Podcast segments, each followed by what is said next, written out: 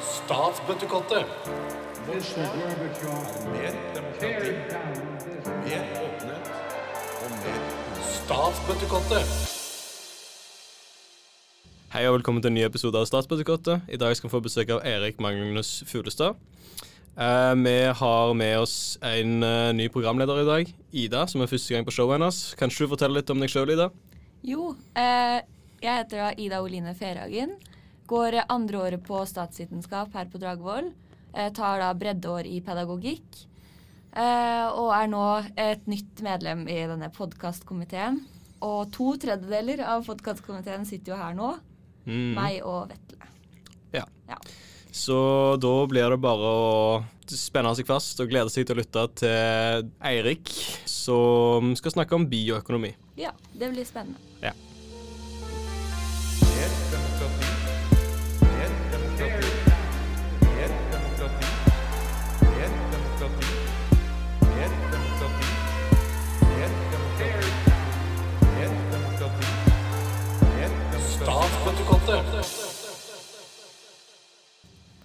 Dagens gjest er Eirik Magnus Fuglestad. Han er først og fremst sosiolog, men også forsker ved Ruralis, Institutt for rural- og regionalforskning. I 2020 ble boken 'Etter oljen vår bioøkonomiske framtid' utgitt. Og der har bl.a. Fuglestad bidratt som medforfatter og redaktør. Fuglestad har også vært med på å skrive den ene pensumboken for Pol 1002, 'Distriktsopprør'. Men i dag er han her for å snakke om bioøkonomi, et tema som er spennende for tiden vi lever i. Vi må kort sagt bruke ressursene annerledes. Hjertelig velkommen til oss, Eirik. Er du fornøyd med introduksjonen din, eller er det noe du vil legge til? Ja, nei, takk for det. Eh, og jeg vil jo bare si at eh, min inngang til bioøkonomi da, er jo egentlig først og fremst som redaktør av denne her boka 'Etter oljen'. da. Så jeg har jo etter hvert eh, forska på, på bioøkonomi, men fra et sosiologisk og samfunnsmessig perspektiv. da. Ja, litt sånn ganske brei tilnærming til bioøkonomien. da. Ja, det er jo veldig hyggelig å ha deg her. Hvordan endte du opp med å studere og bli forsker for eh, Ruales? Jo, det var litt sånn at jeg hadde jo tok en doktorgrad, altså, det var borte i Skottland. Og så må man jo få seg en jobb. Så hadde jeg jo bakgrunn for landbruk, jeg er odelsgutt og sånt, og så jobba jeg litt med landbruk. Og da passa jeg veldig godt inn i Ruralis. Fant ut at Ruralis, her forsker de jo på landbruk, og de trenger en med doktorgrad. Så det var sånn nisje for meg, egentlig en nisje for meg der, da. Så jeg syns det var veldig kjekt å komme inn i Ruralis, da. Så det er min Min studerte egentlig eh, statsformasjon og sånt eh, på en doktorgrad i Skottland. da, også. Nå har det vært landbruk og distriktsutvikling det, siden vi var på Ruralis. da. Spennende. Eh, I Statsvettergodtet så spør vi alle gjestene våre det samme spørsmålet for å bli litt bedre kjent. Eh, hvis du skulle tatt med deg en statsleder på en øde øy, du kan velge hvem du vil i tid og rom, hvem ville du valgt? Tid og rom, ja. Ja, Det var, kunne jo kanskje vært spennende å hatt en, eh, en diskusjon med han eh, Winston Churchill. Det hadde sikkert vært gøy å ha han på det døy, for da måtte han vel vært edru. Og det var han vel som regel ikke. Ja, men jeg satser på han har med seg en flaske under armen, da, så kunne jeg fått litt, jeg òg, vet du. Kan jo bli lange, lange dager på sånn øy. Ja, Godt å drikke det litt vekk. Ja, nettopp. Eh, for å starte så kan vi jo spørre deg, Eirik. Hva innebærer bioøkonomi? Ja, det er jo et eh, godt spørsmål det, faktisk. For dette det er jo litt sånn vagt begrep. Og, men vi kan jo si at eh, bioøkonomi det handler jo eh, først og fremst om det som har med fotosyntesen å gjøre. Så det er jo da all økonomi som er basert på, på, på sånne biologiske ressurser som, som, som har fotosyntesen som, som grunnlag, kan du si. da. Så, så, og, så kan man egentlig gjøre alt mulig ut ifra det. da. Altså det, det handler bare om å, om å industrialisere det på en måte disse tradisjonelle bioressursene våre som er fornybare. da, Trevirke, altså jord, hav. Det er det som er, altså Vindkraft vil jo per definisjon ikke være bioøkonomi. da. Og, og heller ikke solenergi. Nei. Men, men disse ressursene som er i havet på vann, da, som er biologiske, da, som har fotosyntesen som, som grunnlag, som sagt. Men så er det litt med at ja, hva kaller vi dette her? da? Hvorfor bio... Jeg tror det kan være nyttig når vi snakker om bioøkonomi, da, å se på hvordan folk begynte å bruke bioøkonomi. For det er jo Du kan jo si at bioøkonomi er, jo, er det bare et nytt ord på en gammel ting. Hvis bioøkonomi er det som Far min han er jo bonde, og, sant? og han har alltid drevet på med det, og det har jo bøndene drevet på med i tusen generasjoner, det. I alle fall 100 generasjoner. Så, så da kan vi si, hvorfor skal vi da plutselig begynne å kalle noe for bioøkonomi, da? Ja, Eh. At det liksom Det er allerede en ting, nesten. Ja, så tenk, ja, det er jo det. Så tenker jeg, men hva endrer det noe, det vi kaller det for, da? Så Mm. tenker jeg at Folk begynte å snakke om bioøkonomi på 60-tallet. Men Oi. da var det eh, et begrep som noen veldig få forskere brukte da, for, å så- for å definere en slags sånn ganske radikal tanke om hvordan, kan vi mennesker ha en økonomi som virkelig tar inn over seg at vi bor på en avgrensa klode. Da Altså, da var bioøkonomi en økonomi som var bygd på avgrensa ressurser. Hvordan kan vi få til noe fungerende på det? Men så, da, gjennom tidenes eh, løp, da, opp mot 80- og 90-tallet, så er det blitt mye mer sånn teknologidefinert, dette med bioøkonomi. Eh, det, det handler plutselig mye mer om å få til en slags eh, øka verdiskaping med, med bruk av nye teknologier, som genteknologi, CRISPR. Uh, så det ble en veldig sånn teknologisk ting. da. Det, det, handlet, det begynte å handle mye mer om, om å få til for, fornybar vekst, kan du si, grønn vekst, heller enn dette her originale, litt sånn radikale ideen da, om å ha om hvordan vi kan liksom bruke disse her begrensa ressursene. Men nå handler det mye mer om å bruke teknologi på tradisjonelle ressurser for å få til økonomisk vekst. da. Og særlig da med tanke på at oljen da skal ut. Uh, sant? Få ned klimautslipp. da. Hvordan er den nasjonale satsinga i dag på bioøkonomi, og hvilke utfordringer kan uh, satsinga møte i det norske samfunnet? Ja, altså det er jo Det var jo 2016 at den der den forrige det var vel den forrige Solberg-regjeringa. Den la jo da ut en sånn bioøkonomistrategi. Og da er det igjen dette her med, dette med teknologi og kunnskap som er viktig, da. Og, dette, og, og veldig mye fokus på sånn tverrsektorielt samarbeid. og Det er jo noe i dag som heter NIBIO, altså Norsk institutt for bioøkonomi. Det ble jo stifta som en følge av det. Før så var det en hel haug med sånne forskjellige uh, små forskningsinstitutter som ble samla.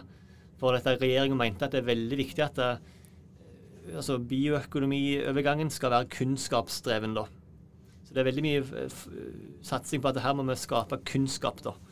Så det går mye på rett og slett også å binde sammen da, kunnskap og næringsliv i å finne da, nye løsninger på, på å bruke disse herrene. Denne strategien heter vel noe sånt eh, 'gamle ressurser, eh, nye muligheter', noe sånt, tror jeg.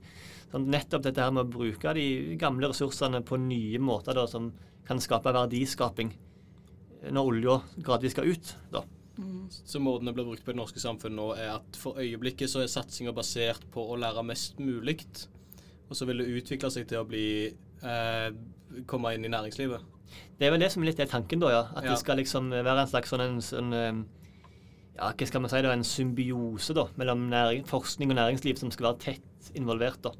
Ja. Jeg var jo en tur på Borregaard, eh, og de er jo, de er jo sånn teknologibedrift. Sant? Så dette med innovasjon er viktig. sant? Innovasjon blir sett på som veldig viktig, da, blant annet.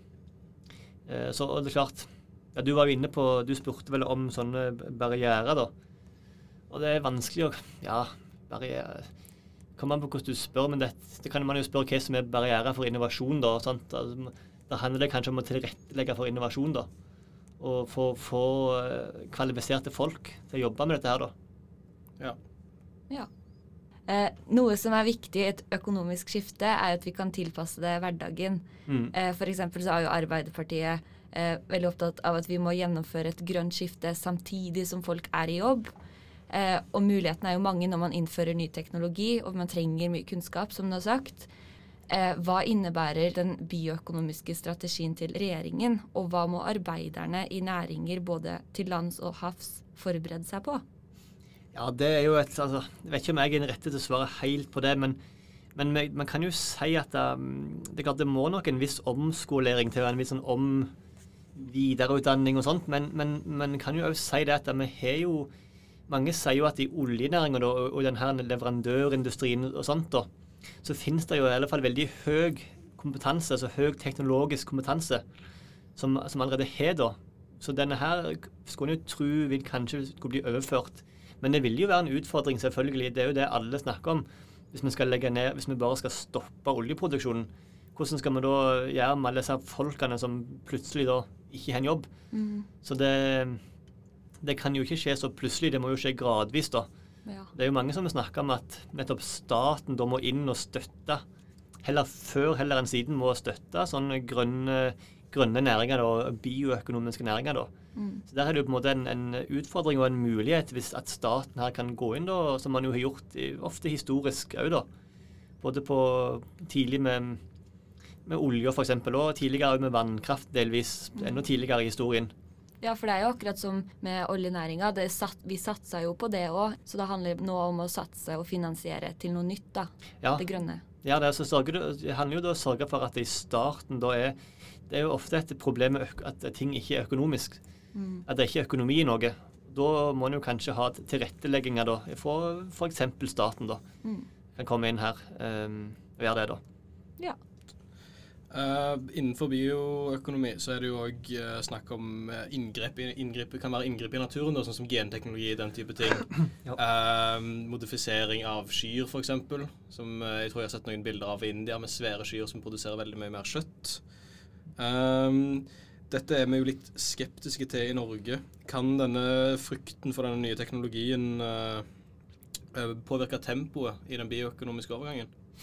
Det kan han nok, men jeg, jeg tror heller det at eh, problem, hvis, det et- hvis det finnes et problem her, så tror ikke jeg at problemet er frykt for ny teknologi. For jeg har inntrykk av at veldig mange av aktørene i samfunnet er veldig gira på at skal, her skal vi bare fikse alt med noen sånn teknologi.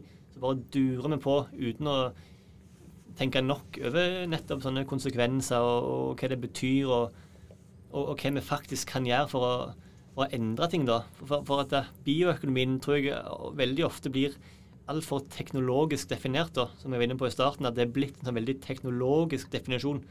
Men jeg tror at vi er mye mer tjent med å gå, gå liksom grundigere til verks og tenke hva mener vi egentlig med en bioøkonomi? For det er litt vagt. Og hvordan vil vi ha den? Og hva, hva betyr det faktisk å gå over til en reell bioøkonomi, da? Det er jo sånn et, sånn et altså Apropos dette her med teknologi, da, at vi bare durer på. Det er noen som sier det at det er lettere liksom, å, å, å, sjåføre seg verdens undergang, f.eks. som følge av klima, da, heller enn å sjåføre seg altså, kapitalismens undergang. Så vi bør jo tenke ja, men kan vi heller gjøre noe grunnleggende med dette systemet vi lever i, da? Kan vi, kan vi sjåføre oss en endring i det, heller?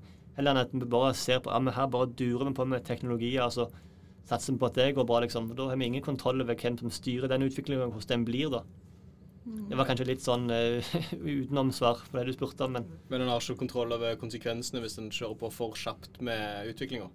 Nei, jeg tror, det er mye, mye, jeg tror at det, det kan en jo få, men da må en sørge for at vi får eh, reguleringer på plass. og at en, eh, altså jeg, det er jo, her, Dette er et politisk spørsmål, men jeg er jo, jeg er jo liksom jeg er jo en historisk sosiolog, da. Så jeg er jo veldig på å lære av historiske det som har skjedd før, da. Og da har man jo i alle fall i Norge veldig ofte hatt ganske stor suksess med nettopp å regulere ting, da. Og, og, og stimulere til ting via en regulert utvikling, da, Ja. eh, vil jeg si. Eh, også denne eh, bioøkonomiske overgangen vil jo iverksette en ny måte å drive jordbruk. Eh, og du har jo vært med å skrive distriktopprør. Eh, og i Norge for eksempel, da, så importerer vi jo mye soya til kraftfôr eh, for eh, tempo i produksjon, annet. Eh, men dette er jo ikke forenlig med naturens tåleevne. Eh, så vi kan jo ikke bare finansiere og skape nye løsninger, men også eh, vi må også slutte med enkelte praksiser. Eh, så hva må de norske bøndene forholde seg til når det kommer til eh, matjord, biobaserte produkter og dette tempoet i sånne forandringer, da? Ja, altså det der er jo litt Det, der kan slå ut to veier, da. For at det, eh, Du kan si at det, bioøkonomi handler egentlig om, kan handle om to ting. Det kan handle om å enten eh, liksom, Enten handler det om å, å erstatte fossile ressurser med fornybare. Og hvis det bare handler om det, så da kan du se for deg at du, at du erstatter da fossile ressurser med ressurser fra jordbruket. da. F.eks. til energi sånne ting til bioenergi, da, på forskjell, enten av, av, av, um, av, gjødsel eller av, ting som man dyrker. da. Og da, da, kan jo liksom, da kan jo et problem eller en utfordring for jordbruket være at de bare blir en slags um, At jordbruket enda mer enn i dag bare blir en sånn råvareleverandør da, liksom på bunnen av um, næringskjeden. Så jeg tenker at næringskjede er det viktige her og sånt. da. Eh, og dette her, Du nevnte soya. sånn, ja, innenfor en sånn bioøkonomisk definisjon som vi bruker, så er ikke nødvendigvis import av soya eh, så kan det gjerne være forenlig med bioøkonomi, det. For det er jo bruk av en biologisk ressurs inn i en produksjon. Så det handler, igjen så kommer det tilbake med hvordan skal vi definere dette og hvor, vil vi gå? Heller enn at du sånn kjempestor skala melkeproduksjon som er kjempeeffektiv basert på masse import, er jo absolutt bioøkonomi, det. Så, så, det handler, så det som jordbruk må tenke på, da, er å sørge for at de nettopp definerer bioøkonomien eh, lokalt. da. At det skal handle heller om å bruke lokale ressurser, kanskje, da, på en, på en lokalt bærekraftig måte, som altså, sirkulært. da. Ja, for det eh, Jeg kan jo ikke mye om det her, men jeg tenkte mest på det med regnskog og sånne ting. Ja. Det, med, det går an liksom å Du kunne på en måte rettferdiggjort det å hogge ned regnskog med å dyrke masse soya og få det i norsk landbruk. Det kunne liksom vært definert som en suksessfull bioøkonomi, det. Så vi må liksom sørge for eh, hvordan skal vi egentlig tenke på det her. For bioøkonomi og klima er ikke nødvendigvis kobla sammen. Nei, bioøkonomi ikke- ja. kan være en løsning til klimaårsakene hvis du gjør det om til en form for sirkulær handling, men bioøkonomi trenger ikke nødvendigvis være sirkulær. Nei, eh, det, ja, nettopp. Litt sånn, tenker jeg da. Ja. Det, det er ikke nødvendigvis en sånn eh, ærlig, eh, automatikk her. At det ikke blir, det blir ikke nødvendigvis så kjempebærekraftig med en bioøkonomi hvis vi bare durer på med sånne ski... For bioøkonomien er veldig sånn oppskalerende. Det, det handler veldig mye om å oppskalere ting til en på en industriell skala. da. Ja. Storskalaproduksjon av ting. Og da er det ikke nødvendigvis at det betyr en, i alle fall en bærekraftig ressursbruk, selv om det kanskje reduserer klimagassutslippene. da. Så handler det jo om ressursbruk her. Ja, det er kanskje litt sånn eh, Det blir jo ja. Det kan bidra til å dempe og av atmosfæren, men det kan fortsatt bety at vi bruker opp nødvendige ressurser som vi trenger for å kunne få samfunnet til å drive seg framover. Ja. ja. Og så, ja, nettopp. Og så vil jeg jo altså, snakke om landbruk. da. Det var jo en sånn, en, eh, sånn en panelsamtale her om, med noen politikere. Da, da snakket de mye om at det, det handler jo om, om eh, lønnsomhet. Det er jo mye snakk om lønnsomheten i landbruket nå, at den ikke er så god.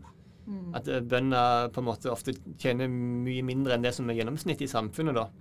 Og hvis man skal få til en sånn reell og god bioøkonomi, så kan man jo kanskje påstå at vel, da må jo bioøkonomi, altså landbruk, være lønnsomt, da. Ja, det må lønne seg å satse på å bli eh, Eller jobbe med jordbruk, da. Ja. Også i Norge. Ja, nettopp. sant. Det er jo hvis det gitt at man, jobb, at man lever innenfor et sånn markedssamfunn, da, der ting må være lønnsomt, så, så må du jo liksom sørge for at det er lønnsomt, da. Mm. Men det er jo som, som han, det var vel han Per Olav Lundteigen fra Senterpartiet som sa det, at det, det, er jo mye mer lettvint på en måte å det bare det, det bare utvinne en lagerressurs og bare tappe den. Mens bioøkonomi som jordbruk er jo en svær prosess der man må dyrke fôret. Ei ku må kanskje ete det fôret, omdanne det til melk, og så må man gjødsle igjen. Det er en mye mer eh, krevende prosess, da, men kanskje i lengden en mer bærekraftig prosess. da.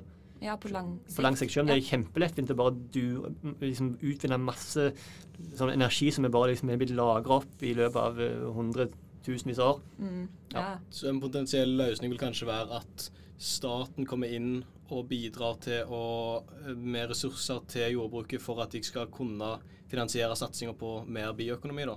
Ja, det Sånn at det blir lønnsomt i lengden, selv om det ikke nødvendigvis er det på kort sikt. Ja, det er jo sikkert noe som Senterpartiet hadde nikka veldig gjenkjennende til, i alle fall. Så ja, Ja. absolutt. Vi har vært innom arbeid, mat, norsk eh, forutsetning og teknologi. I boka 'Etter olje' står det òg hvordan egenskap og rettigheter endrer seg når samfunnets behov veier seg. Hvordan kan vi endre strukturen og skaffe et mer rettferdig system gjennom det som eh, er bestemt juridisk? Hva er det politiske handlingsrommet? Må avgjørelser skje i EU først?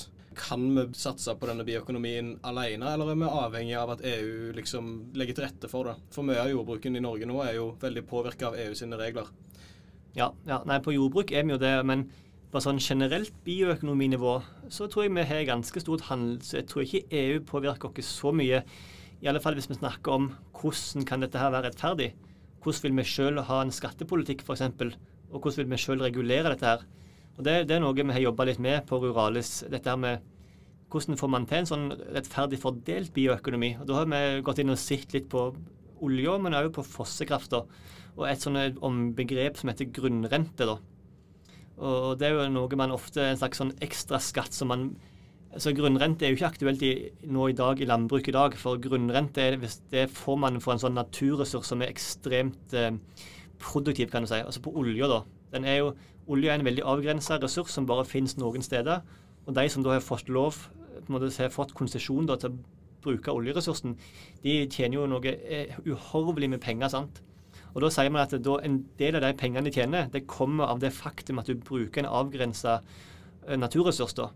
Og den har vi hatt tradisjon i Norge for å skattlegge med det som heter grunnrente, skatt på grunnrenta. Det er et ganske komplisert økonomisk eh, begrep det her, som, som jeg for så vidt heller ikke er 100% men, men det generelle prinsippet handler iallfall om å skattlegge denne, her, denne her ekstra profitten. da. Og Det kan vi jo sørge for at vi har på plass, f.eks. på oppdrettsnæringa. som jo er en, altså Oppdrettslaks er jo en bioøkonomi, og sannsynligvis kanskje den mest lønnsomme bioøkonomiske næringa vi har i Norge i dag, er jo oppdrettslaksen. Den eksporterer vi jo for milliardervis i året og sånt. Den er jo, men der er jo ikke noe sånn skatt på grunnrente, da. Det var jo en sånn NOU som anbefalte det i 2019, men den ble jo avvist, da. Så da er det viktig at vi har sånne Hvis vi da i framtida kommer andre bioressurser som viser seg å være veldig mye verdt, da, så er det viktig at vi har på plass et sånn reguleringsregime der vi kan nettopp skattlegge og fordele internt. da. Ja, Det er viktig at staten er klar for å utnytte de ressursene og fordele godene som kommer av de ressursene, når de først kommer. Ja, nettopp at vi liksom allerede før det skjer, nesten allerede har tenkt på at ok, her må vi ha på plass et regime som gjør at ikke all profitten da faller i noen veldig få sine hender. da, altså ja. For det var vel prinsippet bak olja, var at eh, tankegangen om at ressurser som kommer fra jorda i Norge, skal tilhøre det norske folket, ikke selskaper. Og Derfor Ja. kan vi skatte de. Nettopp. Den tankegangen var der allerede, men den har kanskje forsvunnet litt, eller ikke er så klar på bioøkonomi ennå. Den er litt på vei ut, ja. det går inn på at det er jo, Dette er jo både juridisk, men òg normativt. sant? Altså, Hvis hele samfunnet har endret seg så mye at folk ikke tenker at det er sånn lenger, så er det jo vanskelig å få gjennomslag for det.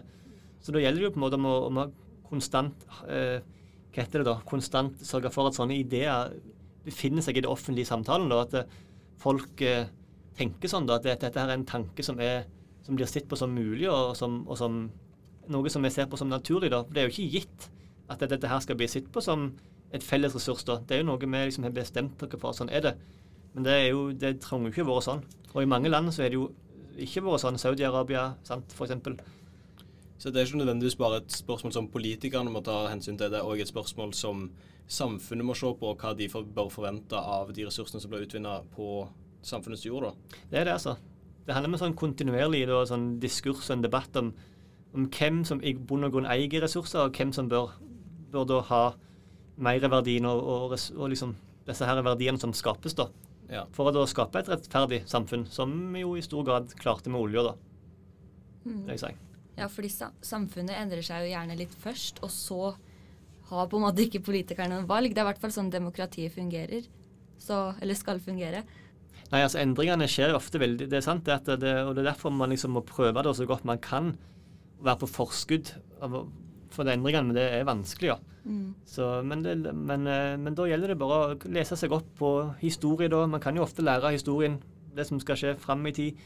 Selv om man må være forsiktig med å ta det for bokstavelig òg. Men, men det gjelder da forskjellige, både statsvitenskap, sosiologi, historie, at man liksom da prøver å se på sånne muligheter for hva som vil komme og, og sånt. da. Mm. Vær, ha en sånn ideologisk eh, slags forberedelse på dette her, da. Mm. Ja, At en kan ikke helt forstå hva som skjer i dag, hvis ikke en ser på hvordan, hva som skjedde før, for å tilrettelegge for det. Ja, ja, nettopp da. Og det var jo en grunn til at man da på tidlig 1900-tall Og mye av dette med olje kommer jo fra dette med fossekraft. Ja. en, en, dette heter georgisme, en heter Henry George, som, som skrev en sånn svær svær bok. Det er det mest leste, mest leste økonomiske verket på hele 1800-tallet. Og dette her snappa jo da norske politikere veldig fort opp. Det kom liksom inn, ble oversatt på, til norsk veldig fort. Så det gjelder liksom å følge med på tankestrømninger og, og ideer da, og, og, og så ta debatten med en gang den kommer, da, Mm. tenker jeg da. Ja. Dette er et omfattende spørsmål, men sånn avslutningsvis Hvordan vil klimaendringenes økende grad av usikkerhetsmomenter, f.eks. flom, tørke, ekstremvær, den type ting, påvirke energiovergangen til samfunnet i ettertid av olje? Ja, det der er jo et veldig stort eh, spørsmål. Jeg vet ikke om jeg altså, Det der kan jo sikkert alle svare på like godt som meg. Eller det er jo et, det blir jo et Men man vil jo, skulle jo trodd at, at det er sånne Når man ser mer sånne virkninger av, av klima, eh, altså av oppvarming, da, så skulle man jo trodd at ting ville skje litt fortere, da. Eh, men så er det jo det at eh, i Norge har vi jo vannkraft, og sant? den er jo fornybar, så den har vi jo der. sant? Men vi er jo en stor eksportør av, av, av olje, da. så så det, det handler vel om at man, det må bli nok, et stort nok insentiv da, til å slutte med olja, og heller gjøre, sørge for at sånne, en bioøkonomi blir lønnsom. da. På en måte, og Det kan jo hende at eh, sånne ting framskynder det litt. og Apropos landbruk, som vi er inne på, at man ser at dette her er sårbart. og Man må, trenger å støtte opp om det og, og sånne ting. da. Og finne nye og gode løsninger øh, på det. da. Uh, ja. Men det der er nå en veldig bredt spørsmål, et veldig stort spørsmål som Men jeg synes det, når du sa insentiv, ja. sånn, det er vel at, eh, en situasjon som gir en grunn til å handle, da. Nettopp, ja. Det er mye Ja. bedre ord, det. Og sånn, når man ser effektene av klimaendringene, så burde det begynne å ringe noen bjeller. Ja. En skulle jo trodd det, men eh, Men så går det litt sakte. For man ser jo, det er jo et poeng med at man må se litt på hva som har fungert tidligere, sånn at man ikke satser feil med Ja. teknologi. ja, og det er klart dette her, men det er klart, det handler jo ikke bare om bioøkonomi. For jeg har sagt at bioøkonomi handler jo om disse her biologiske fornybare, men det handler jo om vindkraft og, og, og, og solcelleenergi. sant? Og altså atomenergi, som, jo, som ikke jeg skal ha noen mening om her, men det er jo et alternativ. Så det, det, det, det, er det, er, ikke kun bioøkonomien som skal redde oss. Jeg er jo litt usikker på liksom, om den her Det var jo et sånt ord som ble veldig populært, med bioøkonomien. Men hvor potensialet ligger her, det er jeg litt usikker på. da, Men det kommer veldig an på om man finner noen sånne Jeg tror det kommer veldig an på da om man går helt grunnleggende til verks og tenker seg en helt annen type måte å innrette økonomien på. Der man ikke tenker nødvendigvis så mye vekst og teknologi, men der man heller prøver å virkelig se hva det faktisk betyr å ha en økonomi som er basert på ressurser som, ikke, som er avgrensa, men delvis fornybare, da. Som man originalt snakker om bioøkonomien som. Det er jo det det kommer til å handle om, da. Og det er ikke det så farlig om det handler da om landbruk, eller handler det om akkurat hvilken ressurs som skal redde oss, er ikke det viktige, men det, det er mer prinsippet om en helt annen tankegang som, som trenges, tenker jeg, da. Men det, det er jo en stor endring å gjøre, da. Tror du òg at eh, Norge kommer antageligvis til å kjenne klimaendringen på kroppen litt seinere enn det veldig mange andre nasjoner kommer til å gjøre? Tror du det kan få påvirke sånn at Norge kommer til å være seinere til, til å handle enn det de kanskje burde være i forhold til hvor stor krise det kommer til å være med klimakrisa? Ja, det kan jo godt hende. Samtidig så er det jo, har vi nå hatt både flaum og tørke her òg, da. Men, men sånn kjempealvorlige endringer har vi jo kanskje ikke så de første til å få, nei. Så det kan godt hende, det. Ja, det, ja, det, det vil jeg tro, ja. Ja. Ja. Har du noe mer du har lyst til å dra inn, forresten, som du ikke følte du fikk uh, snakke om? Nei, nei, nei jeg tror, eh, jeg tror altså Dette her må jo tenke at dette her er jo en ganske overordna diskusjon. og det, det er så mange sånne nisjer vi kan gå ned i her. At det, og det, det har ingen av oss her kompetanse til, tror jeg. Så jeg tror det, jeg tror det er greit at vi. Nei, så, nei ingen av oss. Så jeg tror det er greit at vi holder oss på det Ja, jeg tror det er sagt sånn hovedsakelig det som jeg eh, kan si som, som historisk sosiolog om dette her. Ja. Tror, tror jeg. Men, men det handler jo om nettopp, det handler jo, selv om bioøkonomi handler om både bioressurser og økonomi, da, som er, så er det jo, vil jeg da si at det er jo nettopp et, sånn, et statsvitenskapelig, et sosiologisk spørsmål. også. Hvordan da velger vi å se på dette her? Hvordan innretter vi politikk, jurist, juridiske ting og, normer og sånne ting. da. Det er jo det det egentlig handler om helt fundamentalt sett. Det er jo det som vil avgjøre hvor, hvor, hvor, om vi klarer å få til dette her. For teknologien har vi jo. Det finnes masse teknologi. Det er, hvordan- og, men hvordan får man det til på en rettferdig og god måte, er jo er spørsmålet. Og det er jo det. ja spørsmålet blir hvordan samfunnet vil anvende teknologien som er tilgjengelig. Ja, og det er jo sånn, ja, det Så en del av løsningen er også ikke bare gjøre, men også snakke, sånn at vi gjør mer. Jeg, jeg tror det, ja. Ja. Jeg tror det. Så det er vel det dere skal bidra med når dere er ferdig utdannet. Ja, det er vel det som er planen. Ja. OK. eh, det var, var veldig opplysende. Tusen takk for at du ville komme i dag. Sjøl takk, sjøl takk. Ha det bra. Ja, ha det bra. Statsbøttekottet. Mer demokrati, mer åpenhet og mer Statsbøttekottet. Nei, det var en veldig spennende podkast. Og nå har vi jo fått litt mer innsikt i bioøkonomi, som er et veldig relevant tema. Det er jo veldig spennende. Så det var jo litt annerledes enn det vi hadde sett for oss. For jeg, jeg i hvert fall hadde ikke så mye kontroll på dette temaet fra før av. Nei. Jeg Altså- måtte bare sånn skumlese litt gjennom boka hans. Ja, for å få litt, for å få litt innsikt. Ja. Ja, og nå er det jo sånn at vi kommer framover til å være eh, hoveddelen av denne podkasten, som nok, kommer nok til å være de mest aktive, vi som er med i podkastkomiteen. Men det kommer òg til å være en del innslag fra fagkomiteen som vil ha noen av podkastene òg framover. Men da tenker jeg, siden vi kommer til å være hoved, uh, hoveddelen, så kan vi òg forsøke å bli litt bedre kjent med oss. Og da tenker jeg vi kan begynne med å ta det spørsmålet som alltid blir tatt og stilt til eh, gjestene våre. Og det er hvis du kan velge en statsleder fra ti, hvilket som helst tidspunkt på tid og rom, Ida, hvem ville du hatt med deg på en øde øy? Um, siden det her er bare sånn hypotetisk, for vi hadde jo ikke overlevd, men jeg ville tatt med Queen Elizabeth. Tror du kunne overlevd ganske lenge hvis du litt, hvis du hadde vært litt yngre? Hun overlever jo alt. Hun Ja, har hun- overlevd andre verdenskrig, kaldekrigen, hvis vi kan telle med den. Ja. Ja, og, em, og koronaen, da. ja det òg. Så jeg tror det er jo et tegn, da. Altså Kanskje du kan få noen triks til å lære hvordan du kan leve til en du er godt over 90 og fortsatt uh, kunne jobbe. Ja. Det kan uh, kanskje ikke være så dumt, det. Nei. Det er, det er mest det historiske jeg er interessert i. Mest for samtalen evne, ikke nødvendigvis for overlevelsen. Nei. Ja.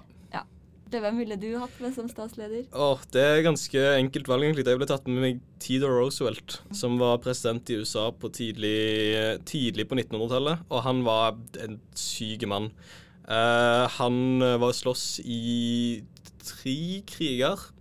Uh, leda en armé i krigen mot USA mot Spania.